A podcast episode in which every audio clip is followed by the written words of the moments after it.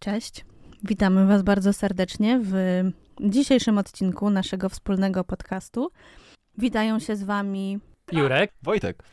z Gdzie Ci Mężczyźni oraz Basia. Zuza. Ela z Bez.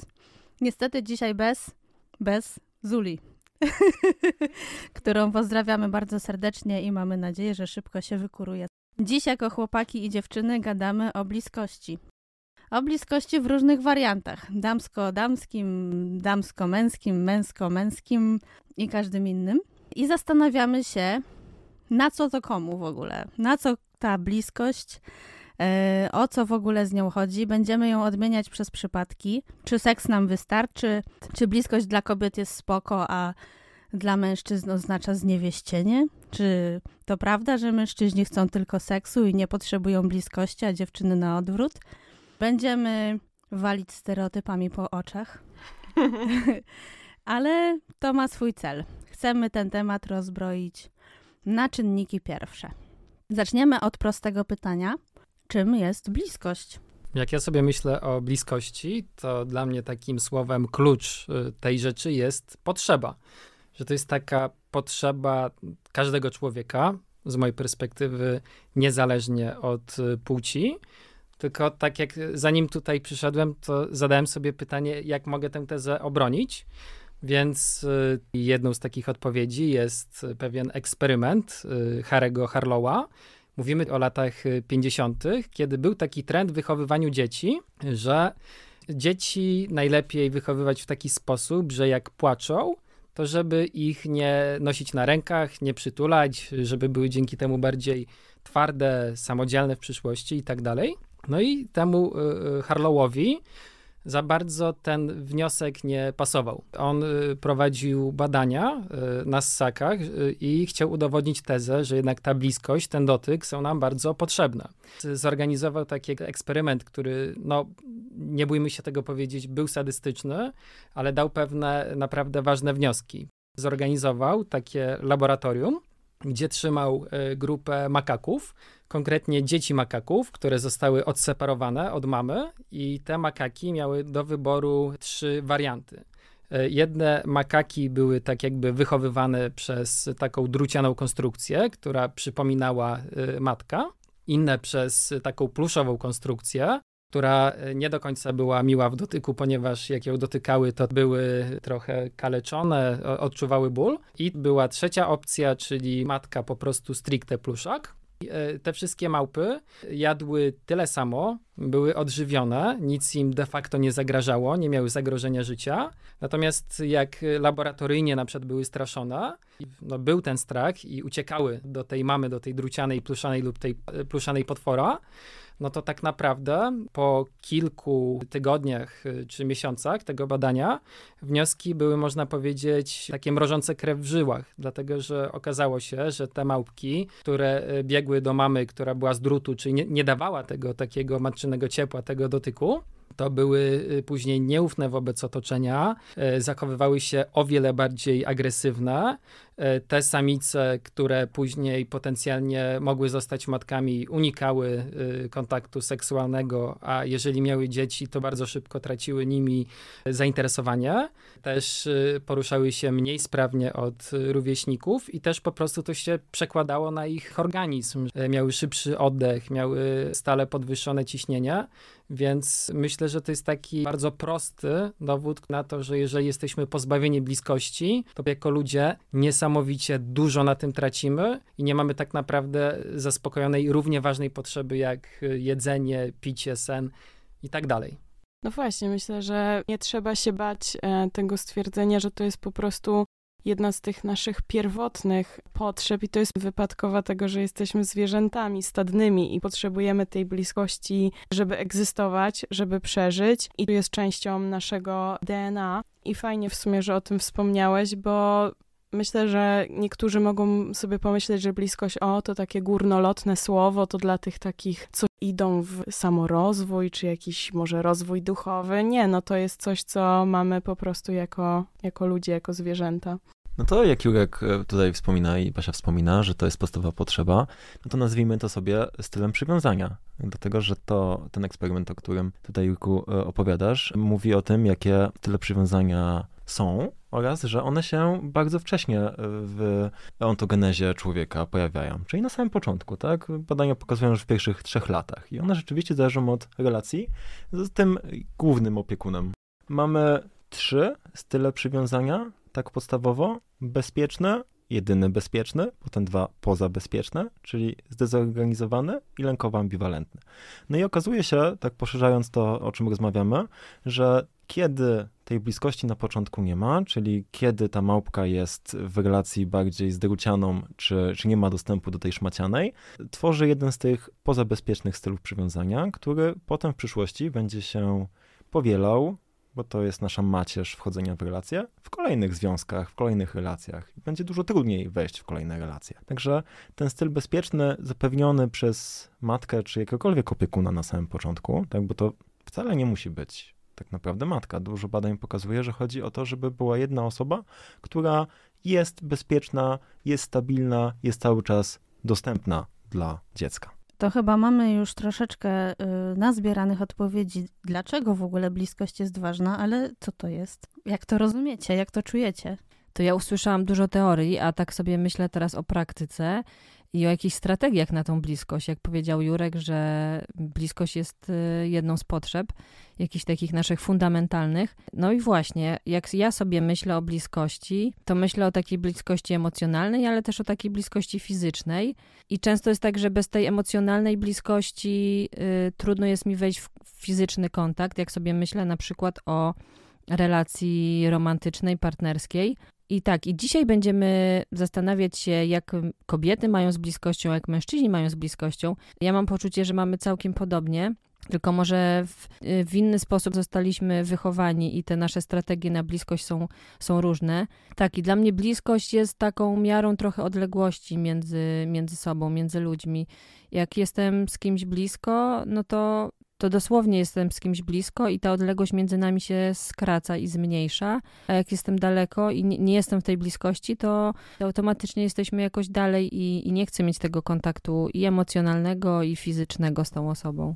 Myślę, że taką pierwszą rzeczą, która przychodzi do głowy odnośnie bliskości, no to są faktycznie związki romantyczne. Natomiast myślę, że bliskość to też jest przyjaźń, czyli taka bez tego kontekstu, nazwijmy to e, seksualnego, erotycznego i tak dalej. I myślę, że bliskość to jest też pewnego rodzaju takie spektrum, że może być e, bliskość właśnie dwóch osób, które łączy e, coś na kształt przyjaźni, na zapewne taką skrajną wersją bliskości jest po prostu taka gorąca, pełna emocji relacja właśnie romantyczna. Mm, zgadzam się z Jurkiem, że to nie tylko dotyczy tych romantycznych i że możemy być blisko w każdej relacji, e, bo dla mnie ta bliskość to jest o po prostu czuciu drugiego człowieka sercem, duszą i ciałem. I to jest też o reakcjach, jakie my mamy na drugą osobę. Podam taki przykład. E, ostatnio byłam z moimi przyjaciółmi i siedzieliśmy i w sumie jedna osoba chyba tam coś gotowała, my z przyjaciółką rozwiązywałyśmy krzyżówki, jakoś niby byliśmy razem w jednym pokoju, ale nie do końca robiliśmy wszyscy to samo ale ja się czułam wtedy bardzo blisko, bo ja się przede wszystkim czułam zrelaksowana, miałam spokojny oddech i też gdzieś były między nami jakieś takie interakcje, czy fizyczne, czy, e, czy psychiczne i po prostu myślę, że ta bliskość to nie jest tylko o to, że siedzimy blisko siebie, tylko po prostu siebie czujemy nawzajem i jesteśmy razem w tym przeżyciu i można razem siedzieć i oglądać telewizor i być naprawdę 40 tysięcy kilometrów od siebie, a można wykonywać inne czynności, ale czuć tą bliskość, bo czuje się to połączenie międzyludzkie i jakąś taką, no tak, jakiś taki wspólny czynnik. To ja słyszę, Basia, że, że tam jest dużo jakoś o bezpieczeństwie i też o takiej bliskości, którą się czuje po prostu, że to jest w czuciu, że trudno czasem to nazwać, ale, ale to po prostu jest i, i to się czuje. Ja też usłyszałam kilka takich fajnych wskaźników, po których możemy poznać, że jesteśmy z kimś blisko, czujemy się bezpiecznie, tak? Ten, to, że jesteśmy zrelaksowani, że oddech jest spokojny. A jak, jak mówiliście i mówiłyście, to y, mnie się bardzo spodobało to określenie, że to jest y, miara odległości między ludźmi I ty też, Basia, jakoś się do tego odniosłaś. Mnie się przypomina też taka sytuacja, bo ta bliskość może być fizyczna, w tym sensie, że znajdujemy się w tym samym czasie, w tej samej przestrzeni, ale też niekoniecznie. Ona ma różne warianty. Pamiętam, jak moja przyjaciółka wyjechała na rok y, za granicę a nawet na inny kontynent. I mam takie poczucie, że to był czas, kiedy ja mogłam ją najlepiej poznać. I mam takie poczucie, że pomimo tego, że myśmy się nie widziały przez rok, to zbudowałyśmy między sobą ogromną bliskość. Dlatego, że z jakiegoś powodu autentycznie mogłyśmy być sobą, w kontakcie ze sobą nawzajem. Może właśnie ze względu na tę odległość i, i brak jakichś barier narzuconych przez kulturę i, i społeczeństwo, w których pływamy mm, na co dzień. Także to tak a propos tych różnych wymiarów bliskości. Czy coś jeszcze chcecie dodać a propos tego, czym jest bliskość? Może przejdźmy do mięcha teraz. Do mięcha. E, jeszcze trochę też odpowiadając na pytanie, bo to też mi się wydaje ważne, tak jakby, jakby wziąć przeciwieństwo bliskości, czyli samotność. Może być? Czy macie jakieś inne pomysły, co może być przeciwieństwem bliskości? Samo, może... Samotność lepsza niż nienawiść. Za chwilę możecie dorzucić dlaczego ta bliskość jest taka ważna. Tak, a po prostu jeżeli kogoś nie, nie przekonuje to, że styl przywiązania czy coś, to właśnie y, y samotność y, może się przyczyniać do różnych przykrych rzeczy w życiu. Może być jakoś uczestniczy z predyktorem depresji czy, czy tendencji samobójczych itd., tak itd., tak ale znalazłam taką informację, która wydała mi się bardzo ciekawa, że osoby, które mają towarzystwo innych ludzi, mają większe szanse na dłuższe życie niż te, które rzuciły palenie, są na zdrowej diecie e, czy uprawiają sporty. To pokazuje, jak bardzo ważnym czynnikiem chroniącym przed zaburzeniami psychicznymi i, i samobójstwem czy depresją, w którą wpisane jest takie poczucie beznadziejności, poczucie rozpaczy, jest właśnie bliskość, relacje z innymi ludźmi. I co ciekawe, mężczyźni są bardziej podatni na tą samotność, bo mają to mniejszą prawda. sieć wsparcia. I odsyłamy do naszego odcinka z Jurkiem Gadamy kiedyś o samotności. Myślę, że całkiem fajnie podsumowuje ten wątek. Ale rzeczywiście mężczyźni jakoś nie umieją sobie często o to zadbać. Jakoś też tak stereotypowo są gorsi w te relacje. Też rozmawiamy sobie o tym, co się dzieje, kiedy mężczyzna rozwodzi się z kobietą, tak standardowo, to on często traci w ogóle jakiekolwiek e, punkty podparcia społecznego, bo na pewnym etapie życia tak się jakoś zawężają. Znacie ten mem, że jakby na, w latach dwudziestych masz tam pełną grono znajomych, w latach 30 jest, jest kilku, a lat, jak masz 40 lat, to jest jeden Steve, nie? Czyli jeden Stefan. No i modlimy się, żeby Stefan nie umarł, tak? Ale to, to, to co, co, co, coś to pokazuje, tak jak mężczyźni sobie radzą, a właściwie sobie nie radzą z tą no, samotnością. No ale jak? Przecież facet musi sobie radzić ze wszystkim sam.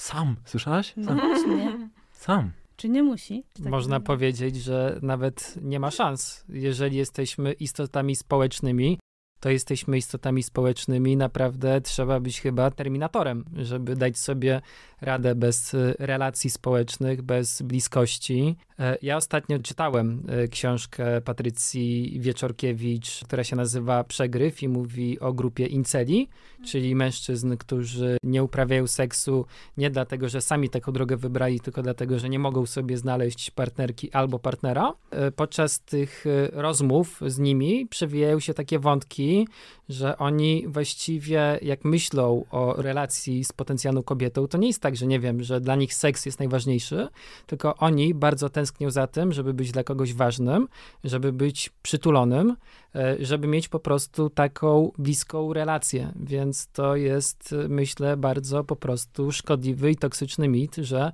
faceci tej bliskości nie potrzebują i że tymi, którzy są najfajniejsi, no to są takie samotne wilki.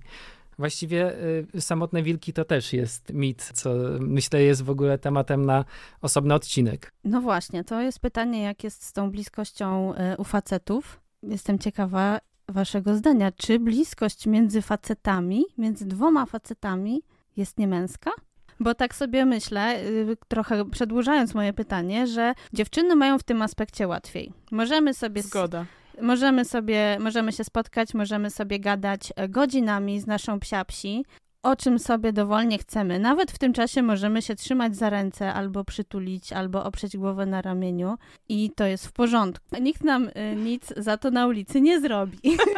A może nawet pokaże okejkę. E, słuchajcie, ten stereotyp, a właściwie ten taki zakorzeniony wątek, że mężczyźni nie mogą ukazywać swojej bliskości i takie wytłumaczenie znalazłem w książce Samiec Alfa musi odejść. Bardzo ciekawe i jest do poddania dyskusji. To jest związane z tym, że kiedyś homoseksualizm był karalny. I mężczyźni, którzy okazywali sobie bliskość, mogli być posądzeni o bycie homoseksualistami, co dawno temu, na szczęście, było karalne. Karalne więzienie. Okazuje się, że w XIX wieku to, że mężczyźni razem spali w łóżku, czy spędzali razem czas, tak, czy jak cofniemy się jeszcze wcześniej do czasów starożytnego Rzymu i w ogóle do innego rozumienia seksualności, to było jak najbardziej w porządku. Ale kiedy przed wiek XX, końcówka wieku XIX i okazało się, że homoseksualizm w ogóle został, prawda, wpisany do, do kategorii diagnostycznych jako zaburzenie psychiczne i można było kogoś za to pozwać, zamknąć, ukarać, to mężczyźni, żeby udowodnić właśnie tą swoją męskość, musieli pokazywać, jak bardzo są odlegli od innych facetów i dotknięcie się przez y, facetów, tak, czy przybliżenie, no, no jest nie do pomyślenia. I myślę sobie, że to dalej jakoś pokutuje jako ten stereotyp, jako to przekonanie, że z, z jakiegoś powodu mężczyźni przekazują sobie, bo to nie wprost jest przekazywane, tak, że, że lepiej nie, tak? Lepiej witamy się, graba i tak szybciutko. Jednocześnie chciałam też dać znać, że żyjemy w bańce, bo Europa jest taką bezpieczną wyspą, ale jest wiele miejsc na świecie, gdzie do tej pory grozi za to kara śmierci. A z drugiej strony są też kultury, gdzie trzymanie się e, facetów za ręce jest całkowicie normalne. Więc to też właśnie ten czynnik kulturowy, no to jest kurczę bardzo, bardzo ważny i ten historyczny. Tak, ale jeszcze tak wracając do wątku naszej kultury, jest y, taka rzecz, która być może jest dosyć dużym truizmem, ale chodzi o to, że homofobia, jak sama nazwa wskazuje, to jest coś, co jest podszytego strachem. W sensie, że my się boimy relacji homoseksualnych, szczególnie u mężczyzn, więc żeby tak trochę zbadać źródło tego strachu, wziąłem do ręki książkę o e, historii męskości. I okazuje się, że w XIX i XX wieku, jak e, było tworzone prawo dotyczące właśnie podejścia do e, homoseksualistów, to wtedy dominowały takie trzy powody, dlaczego ludzie się tego homoseksualizmu bali. Po pierwsze, ze względów y, higienicznych, dlatego że to też były czasy, kiedy AIDS y, się rozprzestrzeniało i to było jakimś tam takim, nazwijmy to bardziej strachem medycznym. E, druga rzecz, no to skojarzenia e, religijne, kulturowe, że to jest skojarzenie z Sodomą. Więc jest to, nie wiem, tam y, strach przed świętokradztwem. A, a trzecia rzecz to to, że tak naprawdę mam wrażenie, że do dzisiaj pokutuje y, takie przeświadczenie, że homoseksualizm to jest coś, co można nabyć, że to jest coś, co jest przekazywane, więc y, był taki strach, że jeżeli geje sprowadzą młodych mężczyzn na drogę homoseksualizmu i odbędą taki stosunek, to że wtedy naród straci swoją taką męską siłę. Więc mam wrażenie, że to jest dużo takich strachów, które po prostu są zakorzenione i nikt jeszcze na to nie odpowiedział tak jednoznacznie, żeby to było dla każdego zrozumiałe, że to jest strach, który ma wielkie oczy i w ogóle nie ma czego się bać, no, że to w ogóle nie powinno być rozpatrywane pod kątem tego strachu i że y, jak faceci się przytulą, to to nie jest, nie wiem, nic złego. Ja pamiętam taką sytuację z baru, gdzie spotkałem się z moim przyjacielem, siedzieliśmy sobie we dwóch przy piwie. W pewnym momencie y, mój przyjaciel powiedział, że spotkała go w życiu bardzo fajna rzecz, więc to było takie y, miłe, przyjemne doznanie, że po prostu wstaliśmy i sprzedaliśmy sobie misiaka. Po prostu się tak serdecznie przytuliliśmy. Chwilę potem do naszego stołu przysiadło się czterech facetów, którzy jakoś tak dziwnie zaczęli nas wypytywać o nasze życie codzienne i dopiero z kontekstu jakoś e, zrozumieli, że jesteśmy heteroseksualni, to wyrazili jakieś takie poczucie ulgi i powiedzieli, że no gdzieś tam jak się przytuliliśmy, to mieli wrażenie, że my jesteśmy gejami i że nas trzeba ukarać, więc oni to, e, to była taka straż moralności, więc oni to zbadali i dla mnie to jest świetnym e, uzasadnieniem, dlaczego faceci boją się po prostu być blisko bez tego kontekstu. Ja mogę mnożyć takie przykłady, jak mnie nazywano, jak miałem długie włosy. To naprawdę się dzieje i to jest. Nawet jak mówimy o naszym europejskim kontekście e, czy Stanów Zjednoczonych, myślę, że trud nie jest skończony. Bardzo Wam dziękuję za to odniesienie do homofobii, dlatego że zadając pytanie, czy bliskość między dwoma facetami jest niemęska, to miałam z tyłu głowy, że trochę zmiękczam temat. Natomiast, że to gdzieś ma swoje głęboko osadzone korzenie właśnie w homofobii. Myślę sobie do tego, co powiedziałeś do tej historii, mnie to jakoś tak uderzyło, ale w ogóle mnie uderza właśnie ten aspekt przemocy, jeśli chodzi o mężczyzn, bo jako kobieta muszę się mierzyć z zupełnie innymi zagrożeniami. Na przykład, jak nie wiem, idę ulicą, to bardziej boję się, że ktoś może się do mnie przyczepić i no, użyję tego słowa, nie wiem, zgwałcić, aniżeli, że mogę dostać w mordę. Jak słyszę właśnie opowieści moich przyjaciół męskich, jakie oni mają lęki, to to są w ogóle zupełnie inne rzeczy i właśnie to, że można dostać twarz za okazywanie bliskości, no ja też to słyszałam. Myślę, że ten patriarchat, ta nasza kultura i ta nasza historia jeszcze wspomaga to, bo faceci o tym nie mówią, w sensie nie mówią. Mówią, ale nie jest przyzwolone społecznie, żeby mówić: hej, boję się na ulicy dostać w twarz. Gdzie kobieta może powiedzieć: hej, boję się na ulicy, że ktoś się do mnie przyczepi i zostanie zgwałcona, i to jeszcze napędza i robi taki efekt kuli śnieżnej, że jakby my nie mówimy tak często o przemocy, jakiej doświadczają mężczyźni w przestrzeni publicznej, a myślę, że warto, bo dla mnie, jak ja mm, zaczęłam właśnie słuchać moich przyjaciół, to byłam zszokowana, bo o przemocy względem kobiet się słyszy, ale właśnie w tą drugą stronę to już mniej. Także fajnie i dziękuję, że wniosłeś ten wątek, bo to, bo to myślę, że to jest naprawdę ważne.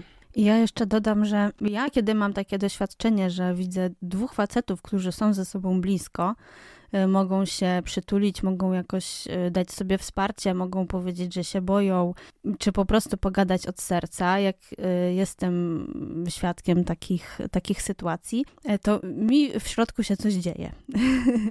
Ale dzieje mi się coś takiego bardzo dobrego, bardzo ciepłego i mam poczucie, że się rozpuszczam wtedy, bo mnie jest to bardzo bliskie, od czego zaczęliśmy, że ta potrzeba bliskości jest uniwersalna i ponadpłciowa. I to jest dla mnie wtedy takie potwierdzenie, że no faktycznie tak jest i to, że, że jakoś tego nie ma, czy że jest tego mało, za mało, jak, jak macie tak w domu, to naprawdę zazdro, że to, to, to naprawdę gdzieś ta potrzeba ona jest, tylko może jest po prostu bardzo głęboko zakopana. I ja wtedy łapię takie poczucie bezpieczeństwa, widząc bliskość między facetami, że jest okej, okay, że ta męskość nie jest tylko o tej agresji, o tym, że zaraz sobie wybijemy zęby, albo będzie zaraz polemika, kto ma rację i trzeba to udowodnić, tylko że, że właśnie jest bezpiecznie. Ja chciałam trochę nadziei i, i jakiegoś takiego dobra pokazać, że że ja widzę dookoła siebie dużo bliskości, jeśli chodzi o tą relację męsko-męską. Widzę dużo mężczyzn, którzy są ojcami i są bardzo blisko ze swoimi dziećmi, ze swoimi synami. I myślę, że to się coraz bardziej zmienia i te nasze wzorce, które dostaliśmy, jakoś się w nich wychowywaliśmy, to, że one, one się jakoś zaczynają przełamywać i że ta bliskość już nie jest jakimś takim tematem tabu, nie jest jakimś czymś, o czym się nie rozmawia, nie mówi, nie okazuje, tylko, tylko tego jest coraz więcej. Także jestem optymistką. Dziękujemy. Ja też e, dodam tylko, że dla mnie e, takim promyczkiem nadziei jest praca z e, chłopaków z grupa performatywna Chłopaki, która prowadzi kanał na Facebooku, Instagramie i właśnie pisze świetne posty o męskości, ale też wiem, że organizują kręgi mężczyzn i inne rzeczy i naprawdę jak czytam o tym, co robią, jak robią, albo właśnie ich jakieś artykuły, no to serce mi się otwiera. Prawda? Bardzo serdecznie pozdrawiamy chłopaków. Robicie dobrą robotę. Czy możliwa jest bliskość, przyjaźń damsko-męska? Mnie bardzo denerwuje to pytanie i wzbudza u mnie bardzo dużo emocji. Często jak opowiadam o swoich przyjaźniach z facetami, to jest to kwestionowane i są, padają takie pytania, ale na pewno, ale nie ma nic więcej. Jest, oprócz tego prowadzimy biznes.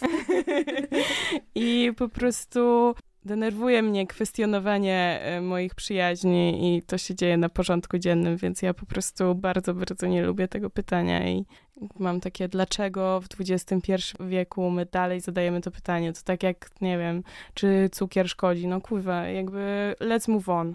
Nie, no tak, no zapewne można się zastanowić, skąd to się wzięło Wyobrażam sobie, że to może być takie bardzo tradycyjne podejście, że kontakt między kobietą a mężczyzną w tych e, poprzednich wiekach był taki mocno sformalizowany, że często po prostu jak mężczyzna i kobieta się e, spotykali, to być może w kontekście matrymonialnym i tak dalej. Z drugiej strony, jak sobie pomyślimy o XIX-XX wieku, jak już była większa urbanizacja i ludzie mogli się schodzić ze względu na, na to, czy się po prostu kochają, czy nie, no to zapewne już to była taka pierwsza fala zliberalizowania tego. Więc ja nie mam takiej gotowej odpowiedzi na to pytanie, kurde, jak to jest, ale faktycznie, jeśli chodzi o takie rzeczy, mm, to co mi przeszkadza, i, I, idąc twoim wątkiem, Basia, czasami widzę e, zakłopotanie moich koleżanek czy kolegów, jak właśnie ktoś im zadaje pytanie, a, a ta, co, z którą przyszedłeś na imprezę, to tam już coś było, nie? I, I to jest taka, nie wiem, jakaś taka niepotrzebna presja i jakoś ludziom bardzo trudno uwierzyć w to, że faktycznie przyszło dwoje ziomków, różnej płci, żeby po prostu razem spędzić czas, że to jest jeszcze takie bardzo egzotyczne. I jakby to nie było wystarczające, że zawsze musi być ten taki dodatkowy element na zasadzie, że nie można się po prostu cieszyć z tej relacji taka, jaka jest, na przykład na stopniu przyjacielskim, tylko że ach, szkoda. Hm. Tak do siebie pasujecie. Bo moglibyście być tak szczęśliwi. Trzeba być w relacji jakiejś i wtedy można mieć przyjaciół męskich. Jak to? Wtedy na pewno nie można mieć tych przyjaciół, bo wtedy jest podejrzenie zdrady. Niewierności. Niewierności, to było to słowo, które mi, mi, mi wyszło, więc, więc na pewno nie, wtedy jest jeszcze gorzej. Wtedy już w ogóle nie można. Wtedy możesz być tylko y, z mężem albo, nie wiem, z żoną i jakby ta, tych przyjaciół innej płci trzeba po prostu wykasować. Chyba, że koleżaneczki. Koleżaneczki mogą być albo koledzy na piwko, ale musimy się trzymać tych swoich płci, bo inaczej to jest wtedy zagrożenie. Jako, że my na siebie patrzymy, y, to widzimy y, nasze reakcje, nasze emocje. Ja chciałbym wam, słuchacze, powiedzieć, że od pięciu minut y, głównie operujemy ironią, żeby nie było. Tak, tak. Poza tym to pytanie pochodzi bardzo z heteronormatywnego myślenia, bo jak sobie trochę rozszerzymy e, nasz e, mózg, jak się zaczniemy zastanawiać, czy przyjaźń między kobietą a mężczyzną jest możliwa, weźmiemy e, dwie osoby o orientacji homoseksualnej, kobietę i mężczyznę, mm, cis, dobrze mówię?